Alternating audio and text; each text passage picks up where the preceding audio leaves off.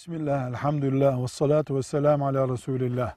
Şu şehrin halkı, A şehri, B şehrinin halkı cimridir, pintidir, korkaktır şeklinde bir şehri topluca itham eden ifade gıybet değildir.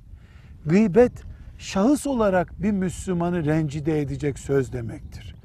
Ama Müslüman insan seviyeli insan olduğu için şu şehirliler zengindir, şu şehirliler cömerttir, şunlardan kız alınır alınmaz gibi seviyesi düşük sözlere katılmaz, konuşmaz.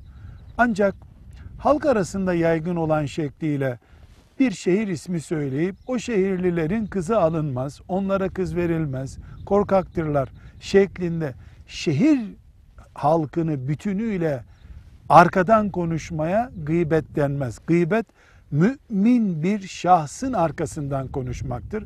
Ama o tür sözler mümin seviyesinde olmayan sözlerdir. Velhamdülillahi Rabbil Alemin.